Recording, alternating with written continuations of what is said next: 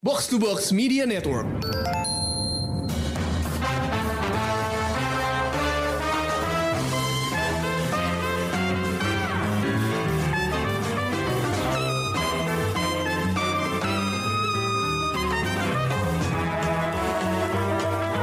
Hai pendengar Showbox, balik lagi bareng gue Amy di Solo Angler Review Showbox. Karena masih dalam libur lebaran dan teman-teman gue semuanya masih liburan nih kayaknya. Jadi gue sendirian yang siapin solo review buat nemenin kalian. Biar kalian gak kangen Showbox selama libur lebaran dan supaya kalian gak ketinggalan review film-film terbaru. Maksud gue gitu. So, film yang bakal gue review kali ini adalah persembahan Apple TV Plus Judulnya adalah Ghosted.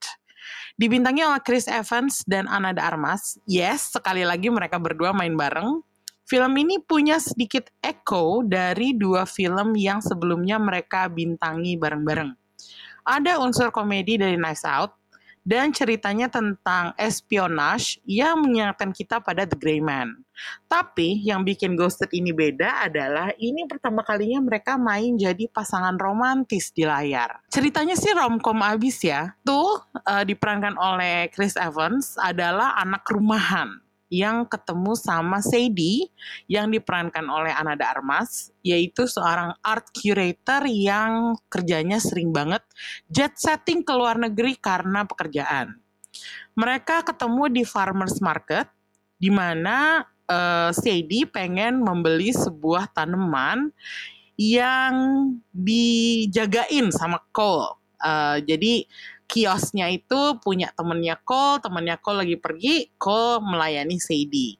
Tapi mereka berargumen, adu mulut, karena si Cole menganggap, wah ini tanaman bakal dijaga baik-baik nggak nih sama nih cewek gitu. Soalnya kok cewek ini kayaknya bukan tipe orang yang sering ada di rumah gitu. Jadi makanya mereka berantem. Uh, awalnya tuh mereka kayak, uh, oke okay, sopan, masih sedikit flirting-flirting, tapi begitu mereka masuk ke diskusi tentang tanamannya, langsung ngegas dua-duanya gitu.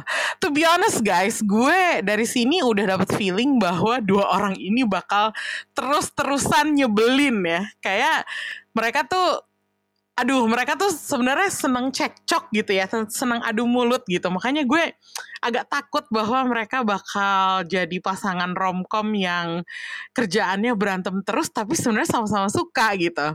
Dan gue sebel aja ngelihat dua-duanya tuh apa ya kayak kekeh dengan pendapat masing-masing gitu. Dan karena ini romcom dan Cole baru diputusin sama cewek dan dia pengen cari cewek baru, ya akhirnya dia minta maaf ke Sadie. Abis itu langsung diajak ngedate gitu. Mereka ngedate sehari semalam. Terus tidur bareng di ujungnya. Gue nggak perlu jelasin date-nya kayak apa, pokoknya super romantis banget deh ceritanya. Dan di situ mereka menyadari ketertarikan satu sama lain. Tapi bedanya kalau Sadie menganggap Cole itu hanya apa ya? Uh, ya udah, gue baru kenalan sama lo, jadi gue uh, baru mau kenal lo dulu gitu. Tapi Cole itu nganggapnya udah apa ya? Udah serius banget gitu. Dan judulnya film ini adalah Ghosted. Ghosted di sini bukan uh, bermakna hantu atau apa. Tapi ini bahasa slang Amerika yang artinya putus tiba-tiba nggak ada kabar sama sekali. Kenapa? Karena itu dia tadi gue bilang, Cole itu bukan cowok idaman sama sekali guys. Dia tuh baru kencan sekali, terus tiba-tiba langsung udah bilang, she's the one. Tentang Sadie ke orang tua dan adiknya. Terus dia sering banget kirim text message ke Sadie berapa kali langsung gitu, termasuk pakai emoji yang so cute gitu. Dan kayaknya dia orangnya gak sabaran banget ya bahkan dia sempat selfie uh, telenji gitu ya bareng sama Sadie di tempat tidur. Waktu Sadie-nya lagi tidur gitu. Gue ngeliat kelakuan dia tuh kayak aduh nggak bener banget nih cowok gitu. Dan bener aja Cole itu saking delusionalnya dia ngejar Sadie sampai ke London. Cole nih asma Terus inhalernya dia tuh ketinggalan di tasnya Sadie.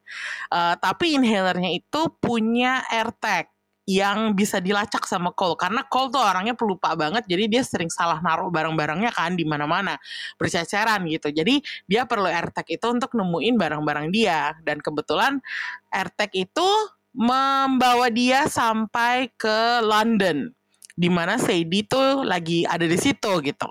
Um, tapi yang gue heran juga ya kok Sadie masih bawa-bawa ya tuh inhaler sampai ke London.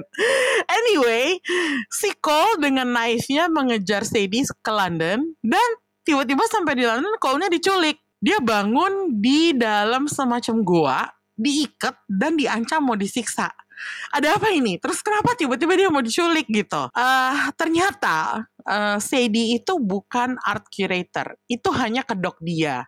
Sadie ternyata adalah agen rahasia CIA yang lagi punya misi di London. Bahkan dia itu punya code name, The Taxman. Namun entah kenapa ya orang yang nangkep si Cole itu menyangkanya Cole adalah the taxman bukan Sadie. Ini juga nggak dijelasin gitu kenapa bisa salah tangkap. Pokoknya udah salah tangkap aja. Dan akhirnya si Cole diselamatin sama Sadie dan Sadie baru ngaku bahwa dia sebenarnya seorang spy, seorang mata-mata, agen rahasia gitu. Tapi ya udah terlanjur, Cole udah ter terseret ke dalam misi yang lagi dijalanin sama Sadie, jadi ya udah dia ikutan kena bahaya juga. Nah sepanjang film nih kita disuguhin argumen antara Sadie dan Cole yang ngebandingin lifestyle mereka gitu. Cole nganggap Sadie adalah sosiopath yang gak punya perasaan karena dia sering banget ngorbanin temen, termasuk mantan-mantannya dia, demi misi-misi dia gitu. Sementara Saidi menganggap Cole sebagai pengecut yang gak berani ninggalin rumah dan sekalinya ninggalin rumah, dia ngejar cewek secara obsesif sampai ke luar negeri gitu. Dua-duanya sih ada benernya ya, karena itu yang gue bilang tadi di awal, itu tuh Cole emang gak bener gitu. Dia delusional dan baru juga kencan sekali terus tiba-tiba udah yakin bahwa dia ketemu cewek yang the one buat dia. Tapi at the same time gue merasa Sadie juga agak nyebelin karena satu dia bohong ke Cole. Terus yang kedua, dia malah bikin Cole ngarep padahal pekerjaan dan kehidupan dia tuh bukan kehidupan orang normal. Oke, okay, she's a spy dan dia harus menting-mentingin misi yang dia jalanin tapi dia masuk ke cerita ini seakan-akan lagi pengen berubah, pengen jadi orang normal. Jadi ya harusnya dia serius berubah dong, menjalani kehidupan sebagai orang biasa. Tapi dia malah PHP-in call dan bikin call jadi prasaran dengan cara ngeghosting itu gitu. Nah, sebenarnya film ini banyak banget ya plot holes-nya. Oke, ini romcom dan plotnya juga nggak usah jelimet banget itu gue paham. Tapi mereka malah bikin ceritanya jadi jelimet dan kusut sendiri dengan masukin unsur-unsur cerita espionage yang kurang digarap dengan cermat gitu. Gue sih nggak pernah ngarepin filmnya tuh kayak film-film John le Carre kayak Tinker Tailor Soldier Spy yang rapi banget gitu enggak gitu. Gue bahkan nggak ngarepin sesuatu yang epic ala film-film Bond atau Bourne. Tapi bagian spy di sini tuh bener-bener kayak gak nggak diperhatiin sama tim penulis yang yang sebenarnya menurut gue sangat kompeten harusnya ya nanti gue bakal bahas lebih lanjut lagi tentang tim penulisnya but anyway romcom ini tuh jadinya ngandelin unsur spy action untuk bikin ceritanya jadi beda. Romcomnya tetap kerasa sepanjang film karena Sadie dan Cole tetap ngebahas hubungan mereka yang dilanjutin terus selama mereka kejar-kejaran sama penjahatnya. Eh, kadang-kadang uh, lo sih harus kerja sedikit keras ya untuk merhatiin ini mereka lagi ngapain sih? Karena sering banget mereka argumen tentang hubungan mereka pas di tengah-tengah lagi ada peristiwa sama si penjahat-penjahat itu gitu Contohnya di sebuah adegan, Sadie ngunjungin kontak dia, Marco yang dimainin sama Marwan Kenzari, uh, si Jafar dalam film live action Aladdinnya Disney. Um, pas lagi ngebahas misinya Sadie, tiba-tiba Cole dan Sadie debat tentang hubungan mereka. Karakternya Marwan Kenzari si Marco itu ternyata juga ikutan nimbrung karena dia salah satu mantan Sadie, dia punya opini juga tentang Sadie gitu Padahal suasananya di situ mereka lagi harus mikirin langkah berikutnya di misi misinya Sadie itu, ya kan? Jadi bingung ya, mau fokusnya ke mana? Ke misinya atau ke obrolan soal relationshipnya? Mana setelah itu mereka diinterupsi oleh kemunculan beberapa pembunuh bayaran yang semuanya tiba-tiba dimainin sama temen-temennya Chris Evans. Ada Anthony Mackie, terus John Cho, terus Sebastian Stan. Dan gue bocorin aja ya, ini ada juga cameo-nya Ryan Reynolds di sini meskipun dia munculnya belakangan. Asli rame banget gitu loh. Kayak oh asik banget cameo-nya banyak banget. Tapi terus gue mikir, so what's the point of the scene? Fokusnya udah buyar aja gitu. Film dengan genre campuran kayak gini tuh harusnya emang asik, tapi Ghosted ini kurang halus mixingnya. Jadi bukannya aspek yang satu mendukung aspek yang lain, tapi lebih seperti rebutan spotlight gitu. Gue nggak bilang bahwa film ini gagal total ya guys. Ghosted tuh masih lumayan entertaining untuk tontonan waktu ditonton pertama kali. Meskipun campuran genrenya itu tadi kurang terasa pas mixingnya, nilai hiburannya cukup tinggi. Dan at least di sini penampilannya Chris Evans dan Ana de Armas sangat menawan. Gue selalu tertarik melihat cara Chris Evans kerja di layar karena gue udah nontonin dia sejak lama banget dari zaman dia main di Fantastic Four dan Sidewinder gue cukup kenal lah dengan evaluasi peran dia di layar. Dan yang ini Cole kebetulan adalah salah satu karakter dia pasca Captain America yang cukup memikat. Di sini Cole digambarin sebagai orang biasa, anak rumahan yang nggak jago-jago amat fightingnya gitu. Dibandingin dengan Sadie, Cole adalah sosok yang lebih sensitif. Sementara Ananda Armas sebagai Sadie itu melakukan semua aksi kompeten yang gak asing lagi kalau dimainin sama Chris Evans. Jadi justru Chris Evans ya di sini jadi cowok low key yang ya udah biasa aja gitu. Tapi giliran Cole argumen sama Sadie tentang relationship, Cole jadi passionate banget. Jadi lama-lama meskipun gue sebel sama Cole di awal, gue mikir ya oke okay, mungkin dia ada benernya juga nih sebagai cowok yang mendambakan uh, hubungan yang lebih dalam dengan pasangannya. Yang pasti sih kalau dibandingin sama karakter dia the, di The Grey Man atau di Knives Out, di sini karakternya Chris Evans nggak senyebelin itu gitu. Uh, udah gitu penampilannya di sini terasa pas banget gitu. Karena kita tahu kan Chris Evans tuh cakep banget banget banget. Tampang all Americannya tuh kayak nggak ada yang ngalahin. Tapi di sini dia berhasil terlihat be aja gitu. Ya kayak orang kebanyakan kayak penjaga kios di farmers market yang jualin tanaman dan madu organik ke pengunjung gitu. Pokoknya ajaib banget deh gitu kalau Anada Armase sendiri, gue merasa di sini dia juga nggak menjual kecantikan atau eksotisme dia. Biasanya dia tuh suka digambarin sebagai karakter yang seksi, cantik, logatnya unik, eksotis gitu. Tapi di sini entah kenapa dia terlihat tone down banget dan pas harus jadi agen rahasia, dia terlihat kompeten. Sementara pas harus jadi cewek yang lagi pengen hidup biasa aja, dia juga bersikap sebagai cewek kebanyakan. Terus logat Latina dia di sini nggak terlalu ditonjolin. Jadi gue nggak merasa dia seseorang yang spesial banget. Just regular woman sih. Dan itu sangat memikat bagi gue.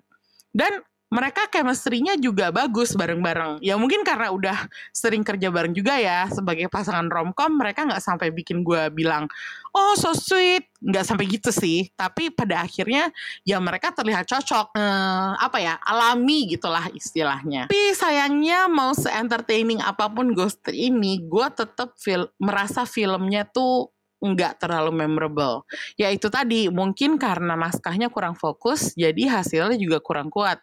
Padahal kalau melihat jajaran penulis naskahnya, itu sangat menjanjikan. Ini yang gue bilang tadi ya. Ceritanya dikonsep oleh duo Red Trees dan Paul Wernick yang menggarap naskah Deadpool 1, 2, 3 dan film-film Zombieland. Terus uh, ikut juga mengerjakan naskahnya adalah kontribusi Chris McKenna dan Eric Summers, penulis trilogi Spider-Man-nya MCU, Homecoming, Far Away from Home, Far From Home, dan No Way Home. Harusnya sih dengan reputasi kayak gini, naskahnya tuh jadi sesuatu yang spesial. Tapi kenyataannya nggak gitu gitu loh. Jadi gue bilang ya sayang banget. Kalau soal sutradaranya sendiri, hmm, gimana ya? Oke, jujur Dexter Fletcher tuh bagi gue belum pernah menghasilkan sesuatu yang wow banget. Dari daftar filmografinya, Fletcher memang sering bikin film-film yang cukup populer lah di masyarakat gitu ya. Ada Eddie the Eagle, Bohemian Rhapsody, dan Rocketman. Gue cukup suka Eddie the Eagle dan Bohemian Rhapsody, meskipun mereka bukan film-film favorit gue. Uh, well, kalau ngelihat Bohemian Rhapsody, gue juga kurang tahu ya seberapa banyak hasil penyutradaraan Dexter Fletcher dibandingin dengan porsinya Brian Singer. Kalau kalian masih ingat waktu itu kan filmnya sempat melalui kontroversi ya bahwa Singer bertingkah di set sampai akhirnya digantikan oleh Fletcher. Jadi gue merasa sutradara ini tuh sebenarnya mungkin baru latihan ya buat bil buat bikin film-film full action espionage ala Mission Impossible. Jadi ya hasilnya belum optimal. Ada satu sequence di mana Sadie dan Cole dikejar-kejar sama musuh di Afghanistan sambil naik bus bobrok mungkin ini bisa seru tapi kesannya malah riwah dan kalau dia lihat lagi tuh persatu adegannya memang entertaining tapi secara keseluruhan kurang kohesif gitu loh. Apa ya banyak banget adegan di film ini yang kalau berdiri sendiri oke okay, tapi begitu digabungin dengan adegan berikutnya malah jadi katro salah satunya ya adegan di mana mereka berantem itu gue bahkan gak akan berkomentar tentang final battle-nya. Di titik itu gue udah agak kehilangan fokus sih jujur aja. Antara mau nikmatin penampilan Adrian Brody yang meranin filmnya, atau ngeliatin Chris Evans berantem sama Mike Moh, atau Daredornya si Anada Armas, ditambah mereka lagi ada di revolving restaurant yang muter-muter kayak gasing di atasnya udah bingung gue fokus mau ke mana gitu. Jadi ya itu dia sebaiknya Ghosted itu ditonton pas lagi santai aja dan gak usah dianggap terlalu serius. Gue juga nontonnya pas malam takbiran ya nunggu ngantuk supaya besoknya bisa langsung lebaran aja gitu untungnya juga nggak kayak The Grey Man yang agak self serious dan menganggap dirinya tuh penting banget. Ghosted tuh terkesan jauh lebih santai karena unsur komedinya banyak juga gitu. Jadi gue merasa apa ya bukan film yang merasa statusnya penting banget sampai harus dikonsider punya sequel. Kalau menurut gue endingnya juga udah cukup konklusif dan happy ending, jadi nggak perlu dilanjutin atau dipanjang-panjangin. Ya udah, jadinya ini adalah film lepas aja. Tapi mungkin kalau ada film sejenis ini yang bisa dimainkan oleh Chris Evans dan Scarlett Johansson, gue nggak bakal nolak Gue baca nih harusnya Scarjo yang main sebagai Sadie di Ghosted. Tapi karena konflik jadwal, akhirnya dia digantiin oleh Anada Armas gitu. Tapi Scarjo dan Chris Evans kan juga temenan deket banget ya. Jadi harusnya mereka bisa dong main bareng dan have fun bareng. Apalagi Black Widow dan Captain America kan juga kerja bareng deket banget ya waktu di Endgame. Jadi kangen juga sih ngelihat duet ini di layar. Tapi catat ya, gue bilang film sejenis. Bukannya gue jadi pengen ngelihat Scarlett Johansson jadi Sadie di Ghosted. Kalau Sadie, gue cukup puas dengan penampilannya Ana de Armas. Jadi mendingan film lain aja. Oke, okay, review gue cukup sampai di sini. Gue bakal ngasih rating bintang sekarang. Dan film ini gue kasih berapa ya? Dua setengah bintang aja. Mungkin terdengarnya kejam, tapi memang film ini banyak banget kekurangannya. Gue nonton cuma demi Chris Evans dan Anna de Armas doang. Seakan-akan gue pengen membayangkan apa jadinya kalau Marta Cabrera dan Ransom Drysdale dari Knives Out tuh pacaran, bukan musuhan. tapi sisanya mah kurang penting, jadi ya udahlah. di apa ya dinikmatin aja tapi abis itu kalau lo lupain ya maklum gitu sekian dulu review solo gue kali ini. Kita ketemu lagi di episode lainnya. Uh, selamat lebaran sekali lagi bagi yang masih libur nikmatin liburnya. Bagi yang udah masuk kerja semangat kerjanya. See you and bye bye